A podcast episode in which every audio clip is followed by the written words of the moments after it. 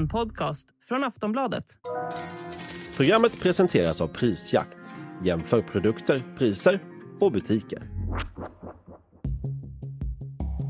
I måndags kväll dödades två svenskar och en skadades i Bryssel av en misstänkt terrorist. Under tisdagen höll statsminister Ulf Kristersson presskonferens. Två svenskar är alltså kallblodigt ihjälskjutna. En ytterligare svensk är allvarligt skadad och är på sjukhus. Allt talar för att detta är en terrorattack riktad mot Sverige och svenska medborgare bara för att de är svenskar. Över 5 000 belgiska poliser deltog i jakten på den misstänkte mördaren som sköts till döds på ett café i Bryssel dagen efter dådet. Och nu uppmanar utrikesdepartementet alla svenskar som befinner sig utomlands till försiktighet. Hotbilden mot Sverige har förstärkts. Så sent som i augusti så höjde Säkerhetspolisen terrornivån i landet från en trea till en fyra. Man höjde nivån bland annat för att man anser att Sverige nu ses som ett prioriterat mål för våldsbejakande islamism. Hur hamnade vi här? De senaste åren har en rad koranbränningar genomförts av olika aktörer i Sverige. Aktioner som skapat oroligheter i bland annat Turkiet och Irak. Andra orsaker till den förändrade bilden är det rykte som florerat i bland annat sociala medier att den svenska socialtjänsten tar muslimska barn från sina föräldrar.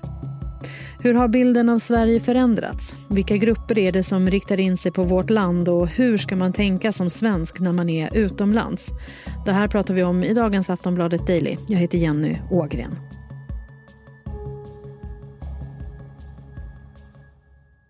Och jag har med mig Wolfgang Hansson, Aftonbladets utrikespolitiska kommentator. Wolfgang, hur reagerade du när du hörde om attacken i Bryssel? Ja, med bestörtning. Jag satt och tittade på den här fotbollsmatchen när jag hörde att plötsligt att det var, skulle ha skjutits och sen att det var två svenskar som skulle vara dödsoffer i det här. Eh, och det var ju helt surrealistiskt eh, att höra det. Varför hände det just i Bryssel tror du?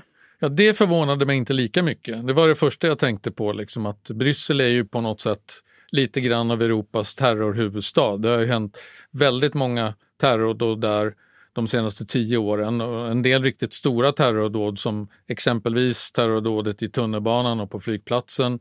Och vi hade terrordåd mot eh, Judiska museet i, i Bryssel. Eh, och det har ju det har varit allmänt känt att Bryssel har varit en tummelplats för diverse eh, radikala islamister som har kommit dit från, från andra platser i Europa. Och vi vet ju exempelvis att de här terrordåden i Frankrike mot, mot Bataclan, den här rockklubben, eh, där var det ju ett antal av dem som var inblandade eh, i planeringen och genomförandet eh, hade ju connections till eh, Bryssel och bodde i Bryssel eller hade bott i Bryssel. Så att eh, det verkar som vara någon slags hubb för eh, radikal islamistisk terrorism. Vad vet man om gärningsmannen? Att han är en 45-årig eh, tunisier. Han ska vara dömd för terrorbrott i Tunisien. Han har kommit till Belgien och sökt asyl. Han har, in, han har fått avslag på sin asylansökning men stannat kvar eh, illegalt i Belgien. Eh, det sägs också att han har eh, varit på eh, radarn hos Säkerhetspolisen i, i eh, Belgien och att han flera gånger från 2016 och framåt har, har, att det har funnits liksom varningar om att han har varit radikaliserad och så vidare. Men att när polisen undersökte närmare så har det ändå inte resulterat i att man har liksom gjort någonting eh, aktivt mot honom trots att han då har befunnit sig illegalt i, i Belgien. Det lär säkert komma fram mer om den här mannen framöver. Eh, terrornivån här hemma höjdes ju tidigare i år. Det här dådet nu i Bryssel, ökar det risker för attacker i och mot Sverige? Ja, så det är ju uppenbart nu att den här höjningen av terrornivån som gjordes, att den var väldigt väl motiverad. Då gjordes den ju, alltså den svenska terrornivån handlar ju om händelser i Sverige, att, att det är risk för ökad eh, terrorism i Sverige. Eh, men det går ju också att applicera på utlandet. Jag menar, det var ju väldigt tydligt att bakom terrorhotsnivån, höjningen i Sverige, så låg bland annat de här koranbränningarna. Och det är ju någonting som har avsatt väldigt stora eh, märken runt om i den muslimska världen eh, och som har förändrat bilden av Sverige. Så att eh, där är det ju väldigt uppenbart att hotet mot svenskar som befinner sig utomlands har ökat. Och det innebär inte att inte någonting liknande kan hända i Sverige. För det är ju samma, på samma sätt som det här sprider sig till radikala islamister i Bryssel så kan det sprida sig till andra delar av Europa, exempelvis till Stockholm, Göteborg eller Malmö. Du skrev igår om att eh, bilden om Sverige har förändrats. Hur började allt det här? Ja, det började väl egentligen så började det med den här eh, kampanjen som har varit på sociala medier i arabiskspråkiga länder som pekar ut Sverige som ett land där man omhändertar muslimska barn, där socialtjänsten omhändertar muslimska barn på väldigt lösa grunder. Det är till och med sagt att barnen kidnappas och att, detta skulle, och att man gör detta som på något sätt bara därför att eh, de är muslimer och som ett sätt att, så att säga, eh, slå mot islam. Och den här kampanjen har pågått sedan 2019 och har fått väldigt stor spridning i den muslimska världen eh, och resulterat i liksom att bilden av Sverige har förändrats. Och sen ovanpå det så har de här många koranbränningarna kommit. Och det tog ju ett tag innan de liksom fick fäste i, i den muslimska världen, man verkligen uppmärksammade det där. Och det gjordes ju till slut av grupper som såg att de kunde utnyttja det här och ordnade demonstrationer och piskade upp stämningen mot Sverige. Och man brände svenska flaggor på de här demonstrationerna och i, i somras så eh, demonstrerade man utanför Sveriges ambassad i Irak och stormade till och med ambassaden och satte eld på ambassaden. Och Irak avbröt de diplomatiska förbindelserna med Sverige. Så att eh, det, det, har ju varit en eh, väldigt många saker som har samverkat här för att eh, åstadkomma den här förändrade Sverigebilden.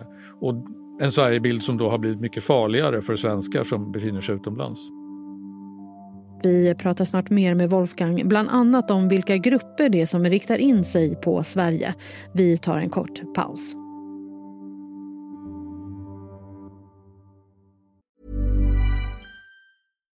Millions of people have lost weight with personalized plans from Noom. Like Evan, who can't stand salads and still lost 50 pounds. Salads generally for most people are the easy button, right? For me, that wasn't an option. I never really was a salad guy. That's just not who I am. But Noom worked for me. Get your personalized plan today at Noom.com. Real Noom user compensated to provide their story. In four weeks, the typical Noom user can expect to lose one to two pounds per week. Individual results may vary. Wolfgang, vilka grupper är det som har riktat in sig på Sverige? Ja, det är ju radikala islamister som gärna vill Eh, som hela tiden letar efter någonting som de ska kunna hänga upp sin berättelse på för att slå mot västvärlden. Och då har det här varit väldigt tacksamt för Islamiska staten, eh, för al-Qaida, för andra radikala islamister som exempelvis Muqtada al-Sadr som är politiker i, i Irak, då, en shia-muslimsk politiker som eh, står väldigt långt mm, på den radikala islamistiska kanten. Eh, för dem är ju det här liksom mumma, att de kan liksom titta här, så här hemskt behandlas muslimer i Sverige och eh, det här gör Sverige. Eh, och det kan ju också vara något annat land, det spelar ingen roll vilket land det är, så länge det är ett västland och de kan eh, använda det här i sin egen propaganda eh, så är det här liksom eh, precis vad de vill ha. Kan man säga att det här är en ny typ av terror? Jag vet inte säga om den är ny. Den här, det har ju förekommit, jag menar, det var ju redan när Islamiska staten bildades eh, och liksom började, började med internationell terror runt 2014 så, så var det ju eh, den här typen av dåd där man så att säga eh, urskillningslöst slog till mot människor i väst. Alltså också då framförallt civila måltavlor eh, där, som, som är helt oskyddade, där man väldigt enkelt kan åstadkomma någonting om man har ett vapen. Och Det kan vara ett gevär, det kan vara en stor lastbil eller en vanlig personbil eller en, en yxa eller vad som helst som man kan attackera människor med. Och så skapar det ju väldigt stora rubriker. Men det är bara att se vilket enormt genomslag den här attacken i, i Bryssel mot de här två svenskarna har haft. Liksom det är, eh, finns med på nyhetssajter över hela världen, eh, skriver man om det här. Och kan den här typen av eh, dåd trigga igång andra gärningsmän att göra liknande om man tittar också rent historiskt? Ja, som exempelvis då när Islamiska staten först uppmanade eh, anhängare runt om i världen och framförallt i västvärlden att slå till på sina hemländer. Då var det inte längre frågan om några attacker som hade planerats i, i Syrien eller Irak eller någon annanstans utan det var liksom människor som agerade på egen hand och det såg vi väldigt mycket eh, under en period där. Eh, det var terrordåd i, i Kanada, i Storbritannien, i Frankrike. Och när man nu har ett sånt här terrordåd som vi det här i Bryssel så kan det mycket väl inspirera någon annan som går i samma eh, tankar eh, att verkligen genomföra dådet eftersom man ser liksom, tittade han lyckades så jag kanske kan göra samma sak. Och de här ser ju sig som martyrer för islam så att för dem är det ju någonting positivt så att säga att kunna genomföra den här typen av dåd. Den här bilden av Sverige, vad kan den få för konsekvenser för vår utrikespolitik? Jag tror inte att den får så stora konsekvenser för vår utrikespolitik an, annat än att det är klart att vi ligger just nu, eh, om inte i fejd med den muslimska världen så ligger vi liksom illa till hos muslimska länder. Och vi vet ju att den här stora muslimska organisationen IKO de gick ju, det, som, det är 57 muslimska länder som är samlade i den, de gick ju ut här tidigare i år och, och krävde att Sverige skulle förbjuda koranbränningar exempelvis.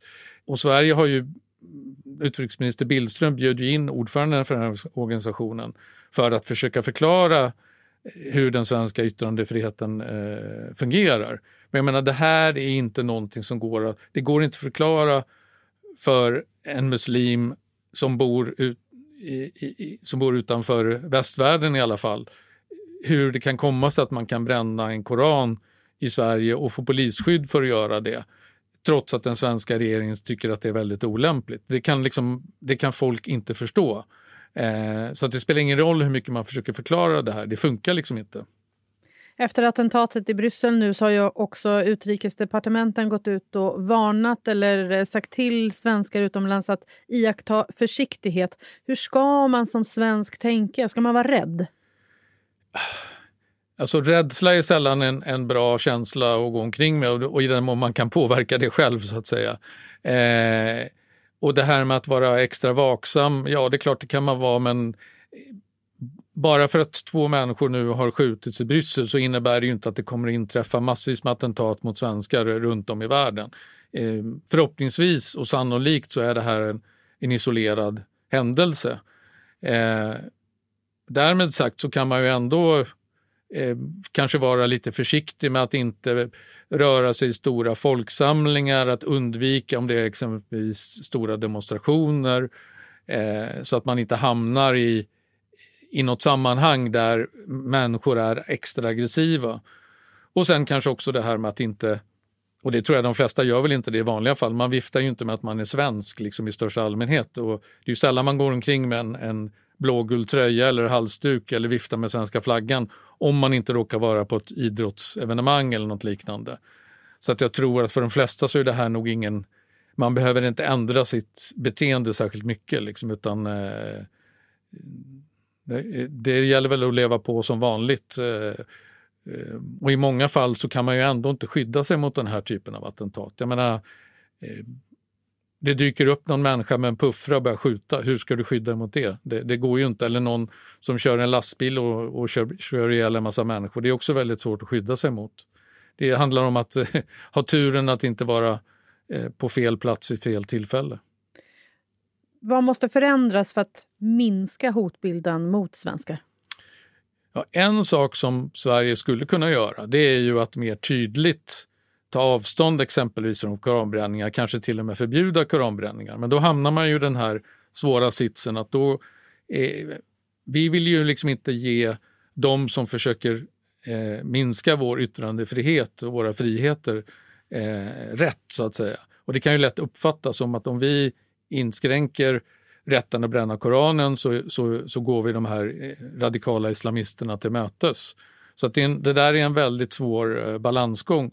Och jag tror att, jag menar, det här är någonting som just nu är det väldigt brännande. Om ett år kanske det är halvt bortglömt. Det är sånt som ofta försvinner med tiden. Vi såg ju det efter vi hade den andra krisen när eh, de här satirteckningarna över profeten Muhammed publicerades i den danska tidningen Jyllandsposten. Så fick ju det ett halvår efter det så blev det jättestora konsekvenser i den muslimska världen med stora demonstrationer och bojkott mot danska varor och så vidare. Eh, sen efter ett tag så, så ebbade det här ut eh, och det får man väl hoppas att det gör även i det här fallet. Wolfgang, vad tror du att vi kommer se de kommande dagarna? Ja, det blir ju, vi, vi hörde ju på statsminister eh, Kristersson att det blir ett väldigt mycket större fokus på säkerhet eh, för svenskar både i Sverige och utomlands. Att vi måste bli mycket mer noggranna med vilka som vistas i Sverige och vad de gör här och så vidare. Eh, och det är i och för sig en utveckling som vi har sett under, under en längre period. Det är ju ingenting direkt nytt nu. Eh, och sen så finns ju alltid risken att det kommer någon sån här copycat eh, terrorist som försöker göra något liknande. Och det behöver inte nödvändigtvis vara riktat mot svenskar, det kan också vara riktat mot andra. Eh, vi såg ju bara häromdagen hur eh, i Frankrike hur en lärare halshöggs i, i en skola i Frankrike. Eh, kanske på grund av eh, Israel och, och Hamas krig på Gaza. Och därifrån kan det också beroende på hur det nu går där i den konflikten så kan det generera en rad nya sådana här terrorhändelser eh, runt om i världen. Vi får se vad som händer helt enkelt. Wolfgang, tack så mycket för idag. Tack. Sist här Wolfgang Hansson, Aftonbladets utrikespolitiska kommentator. Jag heter Jenny Ågren och du har lyssnat på Aftonbladet Daily. För allt det senaste om attacken i Bryssel, gå in på aftonbladet.se. Vi hörs snart igen. Hej då.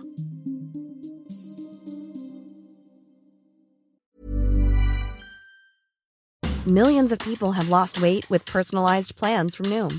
Like Evan, who can't stand salads and still lost 50 pounds. Salads, generally, for most people, are the easy button, right? For me, that wasn't an option. I never really was a salad guy. That's just not who I am. But Noom worked for me. Get your personalized plan today at Noom.com. Real Noom user compensated to provide their story. In four weeks, the typical Noom user can expect to lose one to two pounds per week. Individual results may vary. Du har lyssnat på en podcast från Aftonbladet. Ansvarig utgivare är Lena K Samuelsson.